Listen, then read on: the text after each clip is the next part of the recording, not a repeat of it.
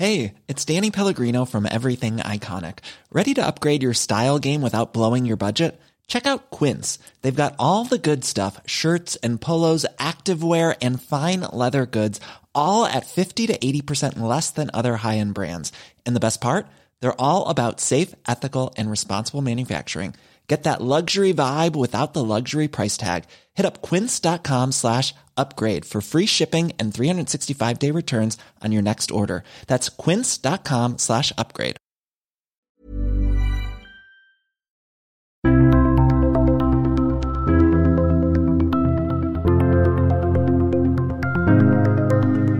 Fredag 6. mars hadde Espen Norheim klar en avtale om et oppkjøp i oljeservicebransjen. Så kollapsa oljeprisen. Du hører på Det vi lever av, en podkast fra Stavanger Aftenblad og Bergens Tidende. Og snart skal du få vite hvordan det gikk med det planlagte oppkjøpet. Denne episoden skal handle om leverandører i oljebransjen. Hvordan går det med de nå? Klarer de å få fotfeste i nye markeder? Og hva betyr egentlig det som skjedde den dramatiske mandag 9.3, da både børser og oljepris stupte? Jeg heter Ola Myrseth, og med meg nå har jeg EU-partner Espen Norheim og Kyrre Knutsen, som er sjeføkonom i SR Bank. Velkommen, Espen og Kyrre. Takk. Tusen hjertelig. Vi lagde jo en episode om leverandører i fjor vinter, og den fikk tittelen 'Hvorfor sliter mange leverandører fortsatt?' Bakteppet var det at oljeselskapene håva egentlig inn mer penger enn på lenge, mens det fortsatt var trangt for mange i serviceleddet. Espen, hvordan går det med leverandørene nå?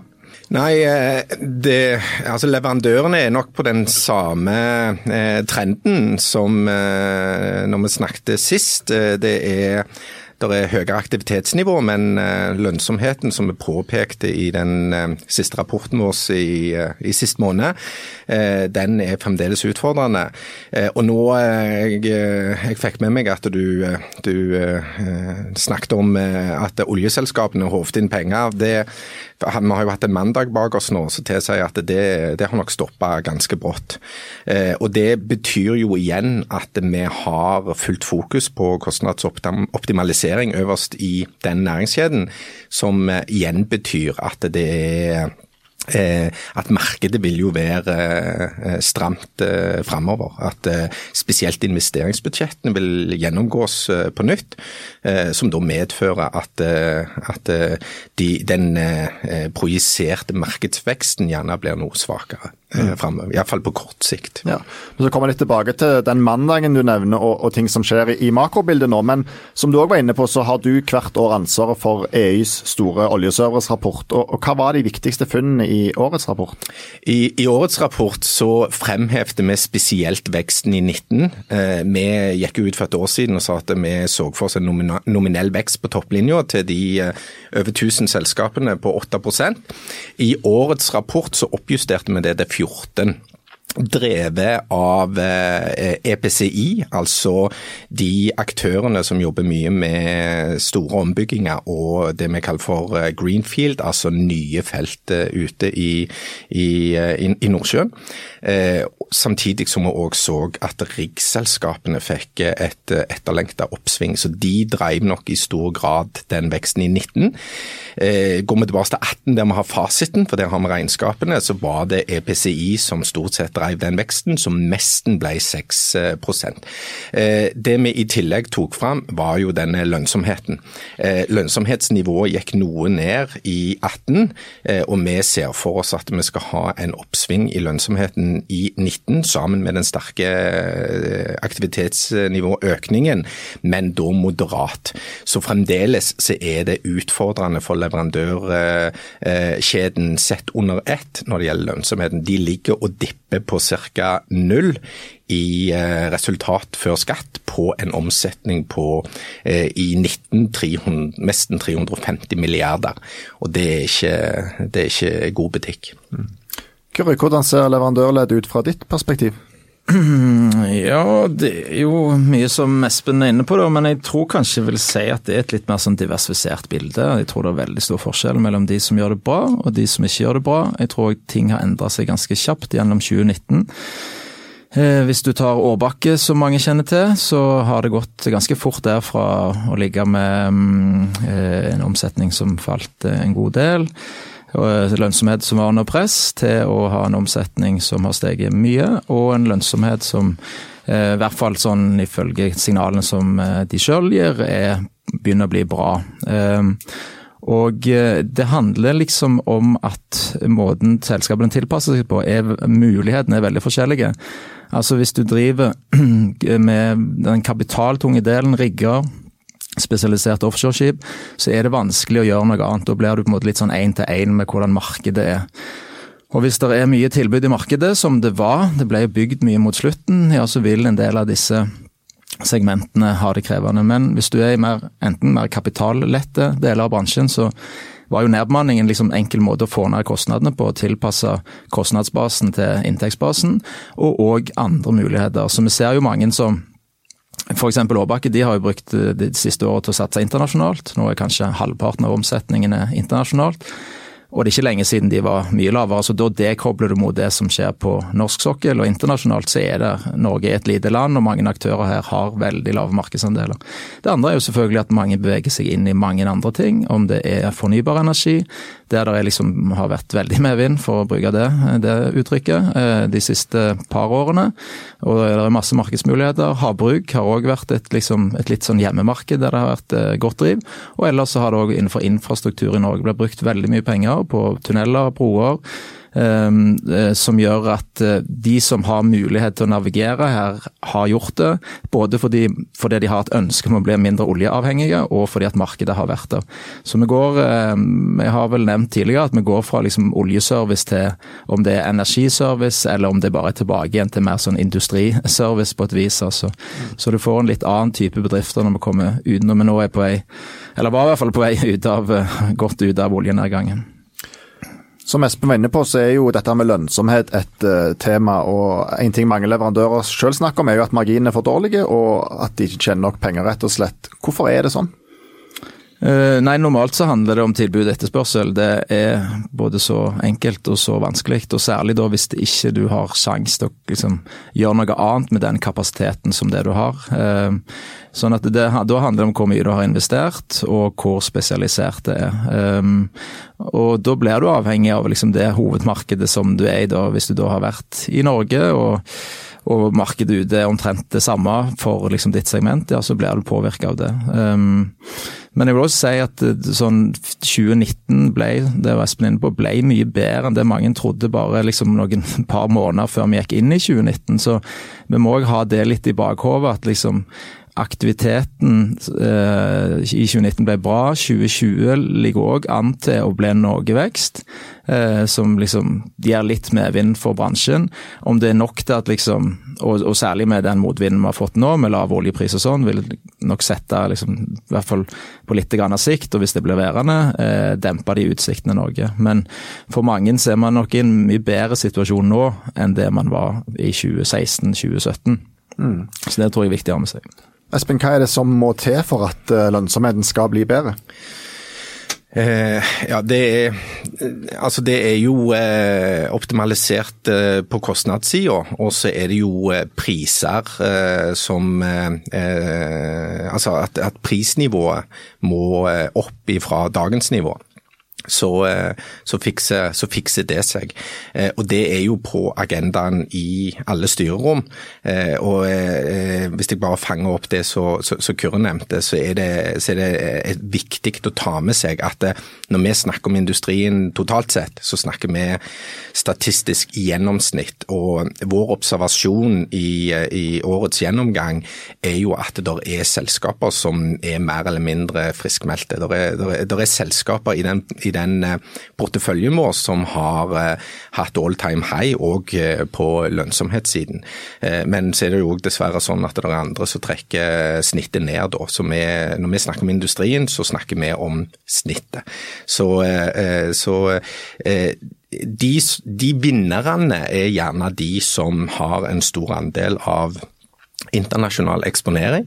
Eh, og så ser vi òg at de som, eh, de som, har spesialisert seg til å komme inn og fikse hos eh, operatørene, der de trenger god hjelp raskt for å ikke forstyrre sin egen lønnsomhet, de, de, de, har, har, hatt det bra de siste åra, til tross for det generelle markedsnivået. Mm.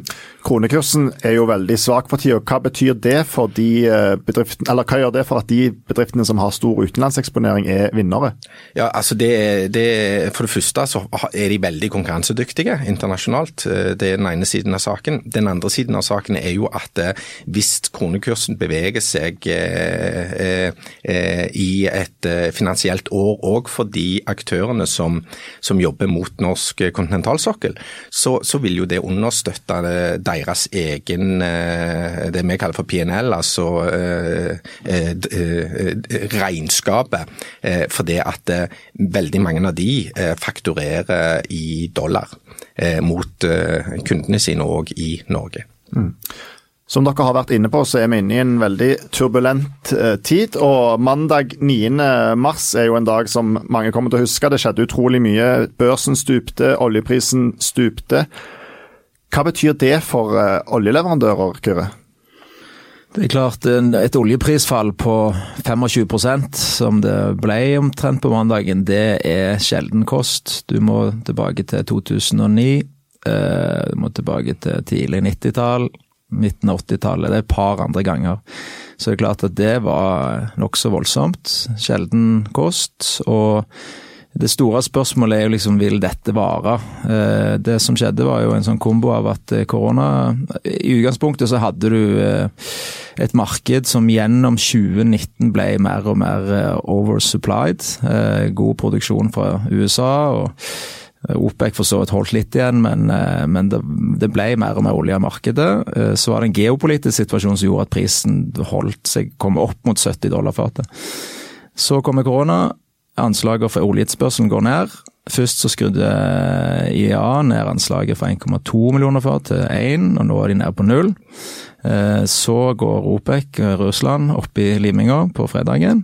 Og komboen av de to gjør at markedet da blir helt villrede. Saudi-Arabia bare flådder markedet med olje, og prisen faller 25 men store spørsmålet er liksom hvor lenge dette varer, og hva det har å bety for de som nå skal ta beslutninger. For norsk sokkel så er det klart at aktivitetsnivået er på mange måter lagt, i hvert fall for 2020 og deler av 2021. Fordi at det er store prosjekter, det er komplekse prosjekter som drar den liksom store delen av investeringene og aktivitetsnivået.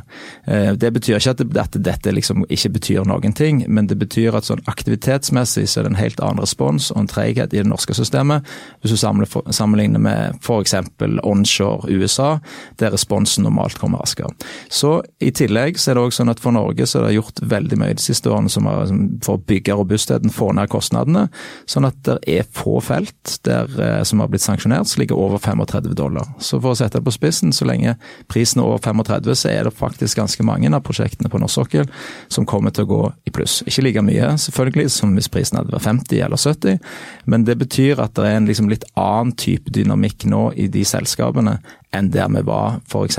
i 2014-2015, der mange av de siste eh, prosjektene kunne koste ganske tett opp mot den oljeprisen som lå over 100 dollar fatet. Eh, men varer dette, så er det helt klart at det, det vil, vil, jo gi konsekvenser. Kostnadsfokuset vil tilta igjen, og, og, da gjelder det på en måte å tilpasse seg og, og jobbe med prosjektene for å få ned kostnadene. Mm. Espen, er du enig i at norsk, den norske oljebransjen er egentlig godt rustet til å takle et sånt fall? Ja, eh, og i alle fall mye mer. Altså Hvis vi går tilbake til januar 2016, så var vi vel og dippa ned i 27. Eh, intradag 26 på eh, brent. Eh, Oljeprisen, ja oljeprisen. Eh, og, eh, og, og, da, var jo, eh, da var det jo en helt annen frustrasjon i, i bransjen enn en, en det som, som, er i dag. Nettopp pga. at det, har blitt gjort en kjempejobb med å gjøre bransjen og gjøre kostnadsnivået mye, mye, mye mer robust. Men, men, det er klart at en investering i denne bransjen, som eh, vil typisk ha et fem til ti års perspektiv, så er jo det med en eh, robust eh, pris er jo essensiell. Og Og eh, tilliten til oljeprisen har jo steget etter hvert som eh, tida har gått etter den eh, januar 2016 med positiv utvikling. og eh, Samtidig så det har jo vært en del svingninger igjen. Men det er klart at eh, mandag eh, reiv jo vekk en del av den oppbygde tilliten. Så det er jo, eh, Vi kommer ikke unna at det er jo et skritt tilbake sett fra et robust investeringsklima sitt ståsted. Det, mm. det, det må vi si. Denne mandagen du nevner, mandag 9. mars, den var jo meget hektisk på mange kontorer også jobber med finans. Hvordan var den dagen for deg, Espen? Det var en, eh, det var en travel dag, eh, det var ikke tvil om det. Og den, eh, det, vi, vi, har ikke så mange av de i karrieren, og jeg får nesten si heldigvis. Men vi så jo litt hvor det bar med utgangen av fredagen og i løpet av helga. Og for oss så dagjobben vår er jo transaksjoner. Generelt for, for, for teamet, men gjerne spesielt for meg så er det jo olje og gass og oljeservice-orientert. Kjøp og salg av selskaper? Kjøp, kjøp, og salg av selskaper. Og eh, eh, nå var jo vi såpass eh, eh, innsiktsfulle at vi hadde jo eh, satt av at vi skulle ha bud som skulle komme inn på en, et prosjekt som vi holder på å jobbe med på fredag, som ble utsatt til mandag. Og eh, når jeg våkna på mandagsmorgen, og det pleier å være veldig spennende som en del av de prosessene vi kjører, så så eh, kalibrerte jeg meg vel sjøl til at det, dette blir ikke lystig. Så, og ganske riktig, når telefonene kom, så, så takte de for eh, prosessen, men eh, de takte av. Uh, og det er jo å forvente når du har den oljeprisusikkerheten ekstraordinært som det vi opplevde på mandag. Så men sånn er det i, sånn er det i finans. Det er, det er, gode dager, og så er det tøffere, tøffere, dager. Og mandag var i den tøffe kategorien, det er det ikke tvil om. Dere har vært inne på det. Oljeleverandørene er avhengig av å finne arbeid i nye markeder. Hvordan går det med det, Kyrre?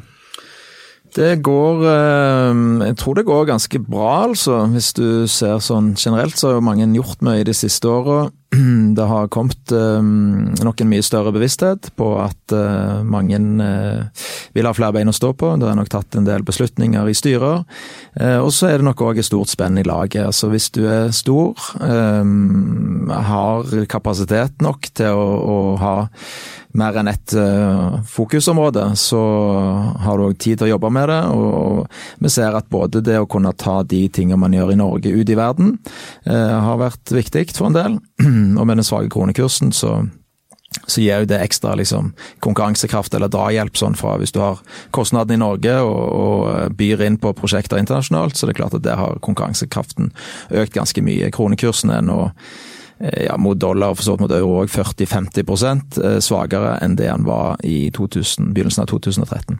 Så det er det ene. Men jeg tror for de små og mellomstore så er det litt annerledes. Der er det nok litt mer krevende, eh, fordi at man ikke er sikker man liksom har rett og slett kapasiteten og for så vidt oppsettet til å kunne, kunne, drive diversifisering. Sånn at det, det, er nok et spenn i laget. Men det som gjør liksom litt ekstra eh, tro på at mulighetene vil nå dras i den retningen eh, for de som ønsker å gå der. Det er bl.a. at Equinor og en del andre av de tradisjonelle olje- og gasselskapene de har beveget seg mot fornybar energi de siste årene. Eh, kan dra med seg underleverandørene både i Norge og for så vidt i regionen her. Eh, i i stor grad, både på inn, liksom, inn, i et nytt forretningsområde og, og internasjonalt. Da. Sånn at um, for de som måtte ønske å være med, så er det, er det muligheter. Og Så er det òg litt sånn prinsipp om man skal gå for det eller ikke. Skal man, I fjor ble et bra år innenfor olje og gass, god vekst, um, eller bra år i form av god vekst, som gjør at en del da vil se at liksom, forretningsmulighetene i tradisjonelle områder stiger. Der var det god vekst, og kanskje større vekst der enn innenfor de nye områdene i fjor. Og Da er det det om man klarer å holde holde flere områder samtidig. Ser vi på de store Aker Solutions f.eks., de har gjort mye de siste årene. Um, vi òg ser her på Rosenberg har vært et eksempel som jakter nye muligheter. Så, så man er på vei og prøver liksom å omdefinere forretningsmodeller som gjør at de blir bredere enn det de var. At du går fra å være oljeservice, som mange var, til å bli energiservice, eller gjerne òg gjøre noe innenfor havbruk. Eh, kanskje infrastruktur, noe innenfor tradisjonell industri òg. Så eh, jeg tror nok mange jobber med forretningsmodellen for å få en ja, bredere forretningsmodell, rett og slett. Mm. Dette med nye markeder er jo noe dere òg måler i deres undersøkelse, Espen. Hva fant dere? Nei, vi, vi, deler jo, vi deler jo uh, oppsummeringen som Kurre ga her. Uh, vi nyanserer den nok òg noe i forhold til hvilken industri eller hvilken noen uh, Eh, initiativer som, som, blir tatt. Vi, vi, vi ser vel jo når vi er i dialog med, med leverandørene at det, det, er nok lettere å lime seg på litt sånn nyvinningsindustrier som delvis eh, offshore vind er, og som garantert eh, offshore akvakultur er. Og offshore akvakultur er jo en særstilling, for der blir jo konseptet mer eller mindre utvikla i Norge, som gjør det ganske mye enklere for norske dyktige havromseksperter til å, å, henge seg på det. Vi, vi, ser vel at det er en litt tøffere oppoverbakke for, eh, for denne næringen å begynne å konkurrere i mer tradisjonelle industrier i Europa, enten det nå er defense, altså forsvarsteknologier eller, eller materiell, eller aerospace, altså fly, flyindustrien. Eh, så det, det, er vel den, eh, den konklusjonen som vi har dratt av det. Men det er viktig viktig, det er viktig å nyansere eh, eh, forretningsmodell og markeder. Eh, og vi har òg sagt lenge at, at og, der er de flinke. altså, altså Olje og gass er jo ikke noe nord, nordsjøfenomen, det er jo internasjonalt. Og, og de teknologiene som blir utvikla, den kompetansen som, som, som de innesitter i, i norsk leverandørene, den er det brukt for globalt. Mm. Til slutt, hvis du skal oppsummere hvordan det ser ut for oljeleverandørene framover kjapt, hvordan ser det ut? Ja, vi, vi, gikk jo ut og så sa at uh, vi hadde en overraskende oppsving i aktivitetsnivået i 19. Vi ser en noe utflating med en uh, eh, 2-3 i 20, uh, og så en liten nedgang på 21, som er stort sett drevet av investeringsanslaget på norsk kontinentalsokkel. og den, den, den, står den, men det er klart at den mandagen som vi har bak oss nå, den har nok medført at eh, dette med eh, kostnadseffektivisering og eh, en gjennomgang av investeringsporteføljer er i full sving igjen. Og så er det jo viktig å få se hvordan den oljeprisen utvikler seg tilbake til det vi ønsker og håper er et stabilt normalstadie i dette 50-60 dollar-vinduet. Mm. Kyrre, hva tror du om framtida for oljeleverandørene? Ja, Hvis vi tar i år, så er det som Espen sa, mest sannsynlig så blir det litt opp i år òg. Selvfølgelig mer krevende og litt mer usikkert med oljeprisen av gangen, men mange av prosjektene er så kompliserte og store at den planen er lagt. 2021 òg er det litt ned eh, prognosen. Det kan kanskje få litt mer nedside hvis prisen blir liggende på, på lavere nivåer. Eh, og så er det klart at eh, spørsmålet er nå hvor mange tar beslutninger på liksom dagens pris, eller om vi faktisk vil nå få en et slags vindu der man er såpass usikker hvor dette vil ende hen, at du ikke får noen beslutninger på, på på ting som er litt, som litt, større og koster litt mer, eller det er klart tie-ins og sånt ofte er veldig lønnsomme, så det vil man nok gjøre. Og så er det en forhandlingssituasjon mellom oljeselskaper og service som nok gjør at uh, med lavere pris, mer usikkerhet, så vil nok det liksom, kostnadsfokuset vil fortsette. Og i et sånt bilde så er det klart det å jobbe med forretningsmodellen, flere bein å stå på, eh, forhåpentligvis ha litt stang inn på disse andre områdene, fokuset på energi, eller fornybar energi er jo fortsatt eh, veldig stort så blir det så interessant å se hvordan selskapet navigerer oppi dette. For veldig mange av selskapene nå som vi har vært inne i, vil ikke bare være avhengig av kontantstrømmen fra norsk sokkel. Det er en litt bredere kontantstrøm, og det er særlig det internasjonale med den svake kronekursen blir eh, interessant å følge. Så men um, ja, så får vi være litt ydmyke og åpne. Det er en spesiell situasjon. Vi har ikke vært oppi akkurat denne type virus med såpass store konsekvenser som det gjør nå. Eh, og vi er jo fortsatt i en fase, det er i hvert fall for Norge sin del og store deler av Europa og USA, der tiltakene liksom blir kraftigere og kraftigere for hver dag. Og så får vi kanskje håpe at det blir litt sånn så at man klarer litt sånn i Kina i løpet av en måned eller annen, og så få litt mer kontroll med situasjonen og sånn, og så etter hvert eh, returnere til normalen. Men dette, kan, eh, dette går nok ikke over på kort, sånn veldig kort sikt, men vi vet liksom ikke om det er et par måneder, eller om vi liksom, når vi treffes her om et år og vi er litt oppi det samme, at det, er masse tiltak for å hindre denne smitten. Så. Men eh, det som blir spennende, er den dagen du klarer å se liksom konturene av hvor dette ender hen, og hvordan responsen i finansmarkedene blir, og òg for oljeprisen. For akkurat nå er det usikre tider, altså. Det blir definitivt uh, interessant å følge, som du sier. Jeg tror vi gjør oss med det. Takk for at dere var med, Espen og Kyrre. Takk skal du ha. Tusen hjertelig. Vi kommer snart tilbake med en ny episode av Det vi lever av. Produsent for denne podkasten er Henrik Svanevik, og jeg heter Ola Myrseth. Takk for at du hører på.